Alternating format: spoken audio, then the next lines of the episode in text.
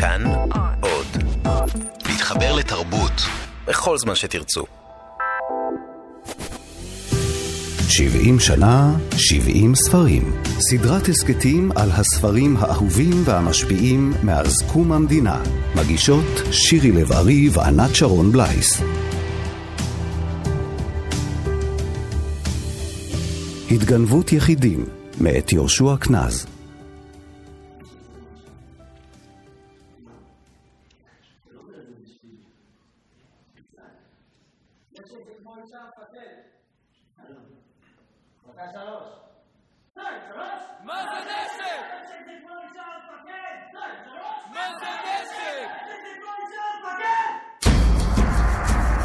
התגנבות יחידים, לא קבוצה, לא קולקטיב, לא ברעש, אלא בהרבה דפיקות לב. הרומן המונומנטלי של יהושע קנז, שראה אור בשנת 1986, נפתח בפרק ששמו "יבשת לב", עם קולו של המספר, מלאבס, בן דמותו של הסופר, שחלקים מן הרומן מבוססים על חוויותיו בבסיס טירונות של כושר לקוי בשנות ה-50. ילידי הארץ ובני מהגרים נפגשו לראשונה במחלקה שלוש על מנת להפוך לחיילים. מחלקה שלוש, לקבלת המפקד מועלם, היקון להחשב, שתיים, שלוש, מחשב! 30 שנה מאוחר יותר, בשנת 2010, יהפוך הספר לסרט שיצרו ראובן הקר והבימאי דובר קוסשווילי. כשקראתי את זה לא הבנתי למה. בהתחלה לא הבנתי. הבנתי שאני פוגש את עצמי, לא ידעתי למה. רק אחרי שהתחלתי לעבוד ועשיתי אנ... אנליזציה לספר, אז הבנתי בעצם מה היה החיבור הזה, שבו הרגשתי שהנה הגעתי הביתה מבחינת איך שאני תופס את עצמי במציאות. בראשית שנות ה-80 פרסם קנז את קובץ הסיפורים מומנט מוזיקלי, שהיה לאחד הספרים המשפיעים בספרות הישראלית. ואז לאחריו הגיע הרומן התגנבות יחידים. אפשר לומר שיש קשר בין דמויות המופיעות בסיפורים כילדים וכנערים לדמויות המופיעות ברומן כחיילים, ולסיפורי החניכה הנשזרים אלה באלה, בתוך אותו כור היתוך ישראלי. דוקטור ארי גלסנר, שגם מכיר אותו מניסיון אישי, מספר על קנז שחושף את קרביו של הצבא. כמישהו שסבל כל רגע בצבא, נפעמתי כל הזמן מזה שאפשר לכתוב מזה יצירת מופת מההתנסות הזאת. וגם מהיכולת של קנז לקחת את ההתנסות, במובן מסוים, הכי ישראלית שיש, הכי חלק מהעיסה המבעבעת שנקראת הישראליות, ולהיות חלק מזה, ועם זאת להיות בעמדת המתבונן. כלומר, גנז לוקח כאן עמדה אירופאית קלאסית של האמן המתבונן, מי שרואה בתופעות את האסתטיות שבהם, את היכולת ליצור מהם יצירה, ומחדיר את זה להוויה הכי שדורשת, שמקשה על המרחק, הכי ישראלית, הכי דביקה, הכי עיסתית. סיפורים על הצבא ועל חיילים נכתבו מראשית ימי המדינה, אבל הספרות הישראלית בשנות ה-80 מאופיינת בפרץ של קולות מן השוליים שחתרו תחת אותם קולות ראשונים. והרומן של קנז הוא אולי המובהק שבהם. אין בו אפילו דמות צבאית אחת שיכולה להיות אותו צבר מיתולוגי עליו כתבו בספרים המוקדמים. הפעם מספר קנז על הגבריות במופעיה השבירים והפגיעים, שגם חותרים תחת אותו כור היתוך צבאי. ברגע האחרון התחילו קורות חיי להתגלגל לנגד עיניי. כמו בסרט קולנוע, ואולי כמו צרור של שקופיות דוממות, הניתחות במהירות רבה, אך לא קבועה. הרומן נפתח עם עיניים עצומות, עם מלאבס שאיבד את ההכרה, ואט אט הוא פוקח אותן והכרתו שבה אליו. כך, מיד בהתחלה, קנז מניח את המבט, את הראייה או אי הראייה, כנושא מרכזי ברומן, לא פחות מסיפורם של הדמויות. הנה השורות בקולו של הסופר יהושע קנז. תמונות תמונות בשחור ולבן, באיכות גרועה למדי, כאילו נשחקו קצת במשך השנים. אולי כמו בחלום, אך ללא האבק הספרותי, הברוקי לעתים, הנלווה לתמונות חלום, ומכל מקום, לחלומותיי שלי, אלא במין חומרה יבשה, לקונית, תכליתית מאוד, כמו צרו של ירי לאחר משפט שדה. ותחושת חירום עזה הייתה בקצב חילופן, ומשהו עצבני, קדחתני מאוד, משהו סופי, נחרץ, חד פעמי. כאילו סרט התמונות הזה מתכלה מאליו עם שימושו זה, הראשון והאחרון, מעצם חשיפתו. לא הייתה שום תחושה של סכנה או געגועים, לא פחד, חגיגיות, כאב או הפתעה, מפני שהכל כבר התרחש אי בזה, על גבולו של הזמן. התמונות פסקו פתאום, ואור לבן ירד כמו מסך על עיניי העצומות. והלבן העז האפיר והלך, ובמרכזו התבהר לאיתו עיגול של אור אחר, רך יותר, חיצוני. כמו על מסך התיאטרון הסגור עדיין, בה החשיך האולם, רגע לפני עלותו לתחילת ההצגה. חשתי את הולם ליבי ואת נשימתי, ושיערתי כי אינני מת. אך עד שפקחתי את עיניי, לא חזרה אליי הרגשת הזמן במלואה, ולא ידעתי היטב מי אני. מלאבס, בן הארץ, לא רוצה לראות את החיילים האחרים. הוא חושש מהמראה האחר שלהם, מהעברית האחרת שבפיהם. חוקרת הספרות דוקטור נעמה צל, שכתבה את הספר "הם דיברו בלשונם" על הפואטיקה של יהושע קנז, מספרת על הגיבור, הנושא את שמה הקודם של פתח תקווה, שבה נולד וגדל הסופר. בעצם אה, טירון שמגיע מפתח תקווה, מככה איזשהו בית מוגן, המושבה הציונית הראשונה.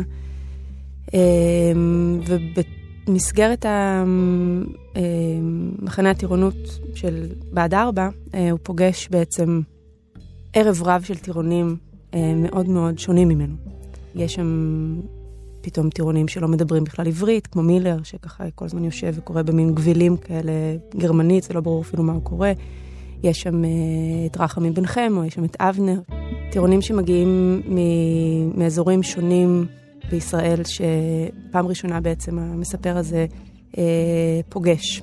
כאמור, לצידו של מלאבס, הדמות המספרת בחלקו הראשון של הרומן, חולקים את הבסיס דמויות נוספות, ביניהן אבנר הירושלמי, שמשמש לו כמראה, מיקי הכדורגלן שהצבא לא ממש מעניין אותו, אלון בן הקיבוץ המורעל שרצה להיות קרבי, צנחן ולא הצליח, רחמים שהחיילים האחרים מתעללים בו, ועולים חדשים שאפילו אינם דוברים עברית.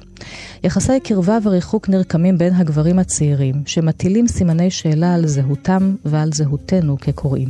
ואז מה שעשיתי זה, אה, עשיתי, עשיתי מין טבלה שלמעלה רשמתי רשימת סצנות ולמטה רשמתי אה, דמויות. ואז היה לי בעצם את כל המיפוי של, ה, של הספר לפי הסצנות ש, שהדמויות מופיעות בו. וה, ועם זה, זה הצלחתי, עם המיפוי הזה, זה התחיל להתבהר יותר העסק הזה. חוקרת הספרות פרופסור ניצה בן דוב מספרת על הקיבוצניק, מלח הארץ, שראה עצמו כחייל קרבי, אבל הגיע לבסיס החיילים בעלי כושר לקוי, ואינו יכול לשאת את המציאות. ומולו מיקי, הכדורגלן, שאינו מעוניין לתרום לחברה ולשמור על הארץ כחייל, שדומה בעיניו לשכיר חרב. אלון רואה בזה פגיעה אישית, כשהוא אומר על חיילים, חיילינו שכירי חרב, אולי הם שכירי חרב. אולי במקום לתעל את האמביציה שלהם לפשע, יש להם פה במציאות הישראלית הזדמנות להיות חיילים ולקבל את הלגיטימציה של החברה. ואלון פשוט מתפרק. יכול להיות שהם צריכים את הדברים האלה באופן נפשי, שזה דרוש להם בשביל עצמם. יכול להיות שאם הם לא היו מוצאים את ההזדמנות לחיות חיים כאלה במסגרת הצבאית המכובדת ולהיחשב כגיבורי ישראל, הם היו מוצאים אז דרך אחרת לבטא את היצר הזה. יכול להיות שהם צריכים להוכיח משהו לעצמם, שהם לא מפחדים מהמוות, שהם נעלים על אחרים, שלהם מותר מה שאסור לאחרים. אני לא יודע. אבל ייתכן, ייתכן שכמה מהם היו נהפכים אולי לרוצחים בשביל למצוא פורקן ליצר הזה. אני הסתכלתי עליהם כאלה אינדיבידואלים שמנסים להשיג את הכרטיס כניסה שלהם לחברה. ישראל הראשונה מול ישראל השנייה, ועדיין אין מדובר כאן בספר המבקש מאיתנו קריאה סוציולוגית, אלא בסופר שדמויותיו הן חד פעמיות. וזה קודם כל, זה בעיני, בעיני עצמם. גם הכרטיס ש, שהם הולכים להשיג אותו, זה, זה הכרטיס שהם קובעים לעצמם, ולא, ש, וזה לא כרטיס שנקבע להם. אחד בונה על אמנות, אחד בונה על, על, על החוכמה שלו, הוא מתמטיקאי גדול.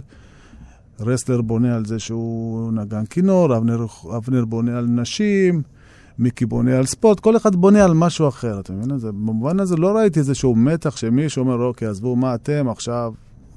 תס, אני אעשה מכם איזשהו עיסה, איזו עיסה ישראלית. לא, לא התעסקתי בזה.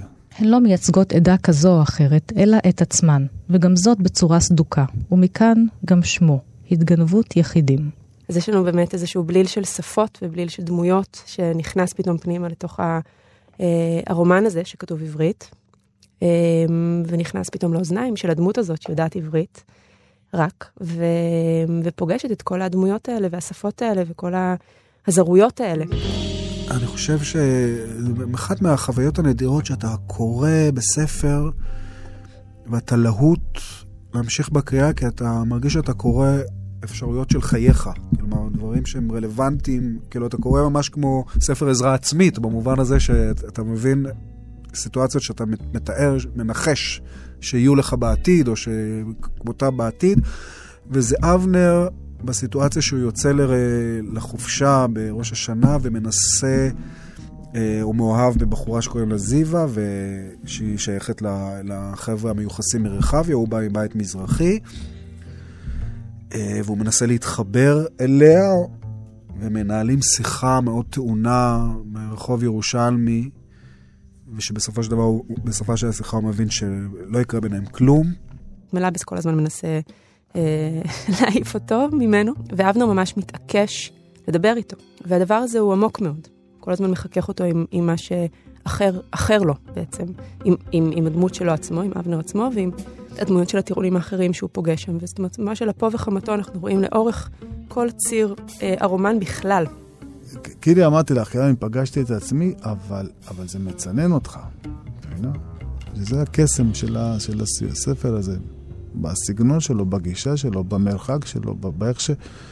במרחק שהמספר תופס מהנימן שלו, יש, בזה, יש פה איזשהו כוח. טוב, מחלקה שלוש.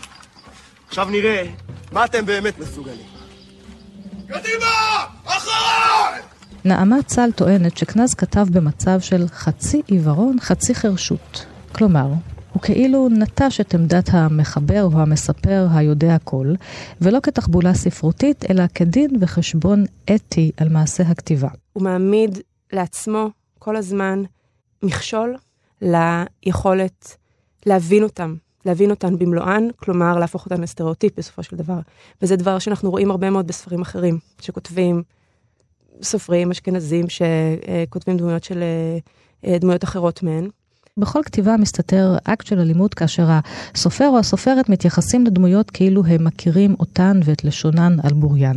זהו למעשה פתח ליצירת סטריאוטיפים. המאבק של מלאבס בהתגנבות יחידים לשמר את עמדת המתבונן וגם הגועל שהוא חש כלפי העמדה הזאת, כי זו גם עמדה מעוררת גועל, כי האסתטיות באה על חשבון האתיות. באחד הרגעים שהוא מסתכל אה, ברחמים שאימו באה לבקר אותו, ויש שם סצנה מאוד אה, אינטימית.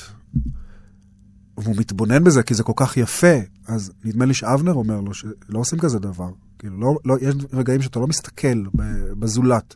רחמים הפך את פניו והביט בנו. אבנר אמר, אתה רואה, זה לא יפה.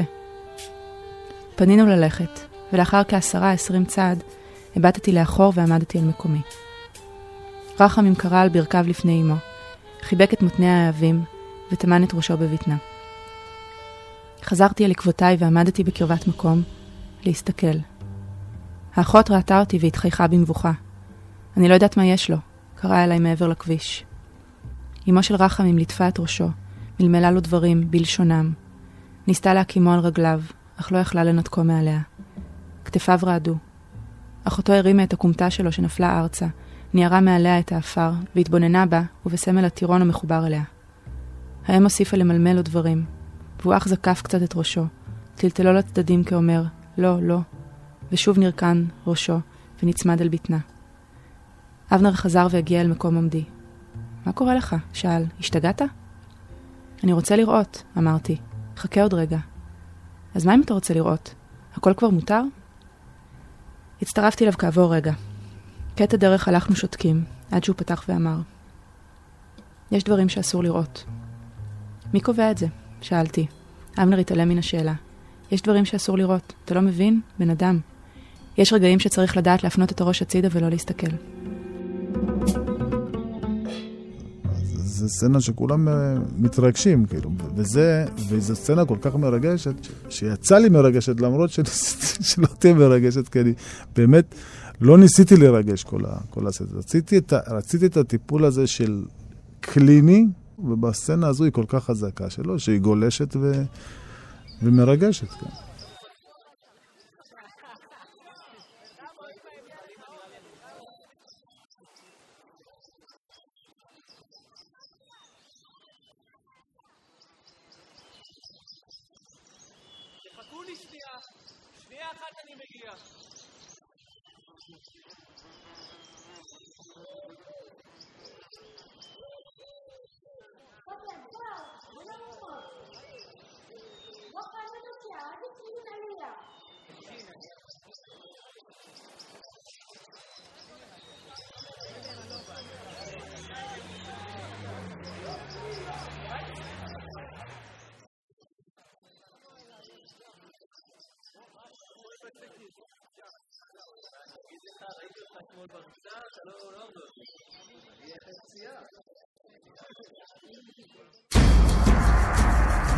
בסיום החלק הראשון של הרומן, לאחר התקרית האינטימית של רחמים ואימו, אבנר חושף את מבטו של מלאבס, שקודם לא רצה לראות ולהכיר את שכניו לבסיס, ועכשיו הוא מסתכל בהם גם כשאסור. מכאן ועד סוף הרומן, קולו של מלאבס המספר מתפרק לקולות רבים ושונים, והדמויות מדברות בלשונן. אנחנו פוגשים פתאום את אבנר מדבר בגוף ראשון, שלא דרך המבט של אה, אה, מלאבס, את מיקי, את מילר, את כל הדמויות, את 0-0, אנחנו פוגשים אותם לבד, בלי המבט הזה, ובעצם הרומן ממש מתפרק בין הידיים. וכשהטקסט הזה ראה אור אה, בשעתו, לא הבינו מה הוא עושה שם. זאת אומרת, למה מה שנקרא, הוא נוטש את הסמכות של המס... ש... זו סמכות של הסופר, של המספר, כאילו, למה, מה, מה הוא עושה שם. אבל זה בדיוק הפעולה. הניסיון הזה לתת להם לדבר בלשונם, לדבר בשפה שלהם, היא קודם כל תוך הכרה בעובדה ש... שהוא אף פעם לא יודע הכל. זה דבר ממש קריטי אצלו. אני לא יודע הכל, וכל הזמן מסמן לנו, אנחנו לא יודעים הכל. אין לנו מושג בעצם. מצד אחד נראה כאילו שהמחבר לא רוצה לספר את הסיפור המלא של הדמות. הוא רוצה לשמור לה על איזה סוד. מצד שני, יש כאן הצהרה של הסופר על הדרך שבה נכון לכתוב את הזולת. הוא כאילו פתח פתח לקיום בתוך הישראליות, מעבר לאיכויות הספרותיות שלו. הוא אמר, אפשר לחיות במקום הזה ולהיות מבפנים ומבחוץ, בו זמנית. להיות פקוח עיניים למציאות על כל צדדיה ועומקיה ואכזריותה, ועם זאת, לשמר לעצמך עמדה של מישהו שהוא לא משתכשך כולו בביצה הזאת. וזה מסר מעבר לעניין הספרותי. כלומר, זה מסר גם עקרוני על האפשרות לחיות בארץ, וזה לא קשור לימין-שמאל, זה חטא שמשותף לימין ולשמאל, העיבוד האינדיבידואליות, העיבוד היכולת לא להיות שטוף בשיח הציבורי, אלא להיות מבחוץ, מחוצה לו. ולכן יש לה ערך אתי גם, כמו שאני אה, מנסה לומר. לשמר על המקום האינדיבידואלי שלך. לאט לאט מתברר שאותו מורעל, אלון, באמת הישראלי היפה, הוא גם יפה תואר, עם יכולת אה, עזרה לזולת, עם אה, יכולת להתנדב לכל משימה, לפקודה תמיד אנחנו. אותו, באמת, האלון, הילד המושלם הזה, לאט לאט, כנז מראה שאלון איש חולה. אני פה בטעות, המפקד. אני צריך להגיע לצנחנים, המפקד. והוא הופך להיות אולי המטאפורה למדינה. אותו איש חולה, ש... של יפה בלורית ותואר, שמוכן להקריב את עצמו, שחושק באדמה יותר ממה שהוא חושק בחברתו דפנה, והוא, כדי, כדי אה, לא להרגיש מושפל, הוא הופך את האדמה להבת הכי יפה בעולם. ולכן אותו אלון מתאבד בסוף. זה הפך לתמה של הסרט שלי.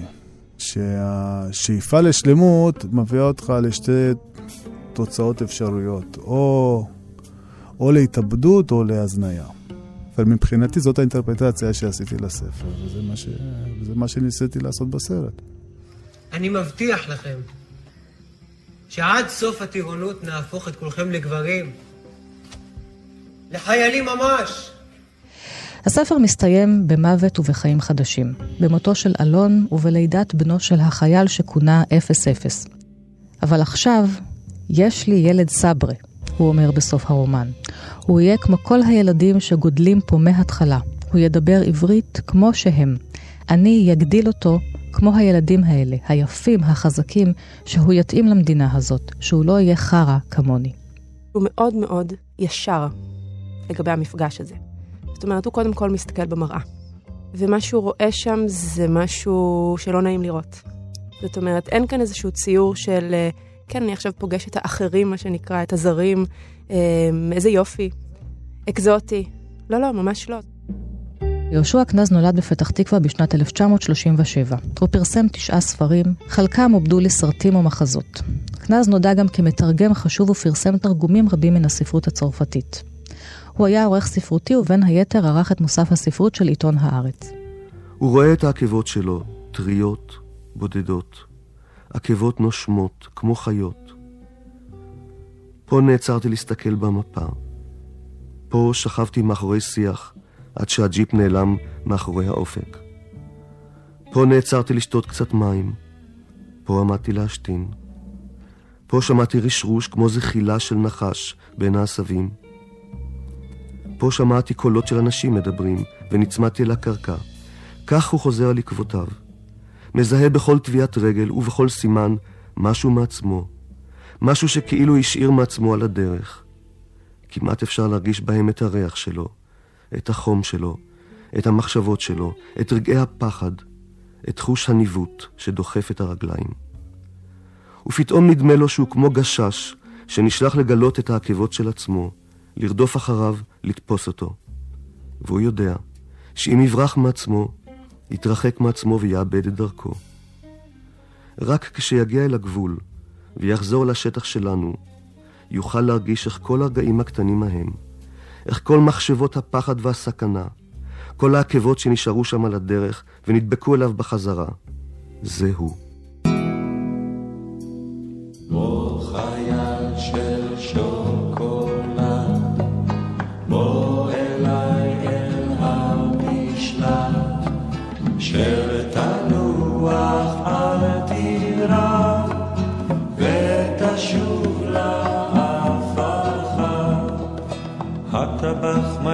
בשר לרב הטבחים, רב הטבחים מגיש בשר לתותחים.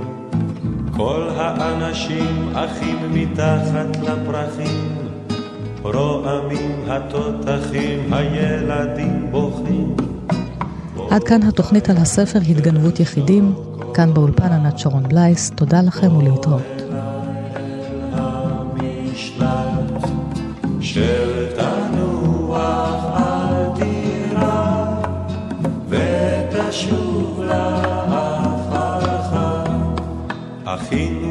אמיץ היה, על משמרתו נפל. חדרי ליבו פתוחים עכשיו לעשב ולטל. היה לו לאחים דם, אבל הדם אזל. לא ישיבנו עוד אפילו צו הגנרל.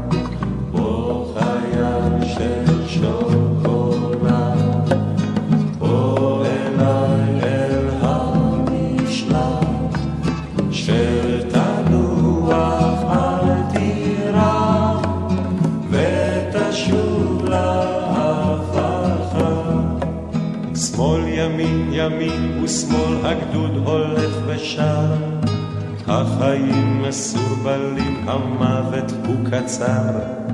כל הגדוד הולך אחר עורפו של הר הסר. הר הסר הולך גם הוא בדרך כל בשר. בוא חיה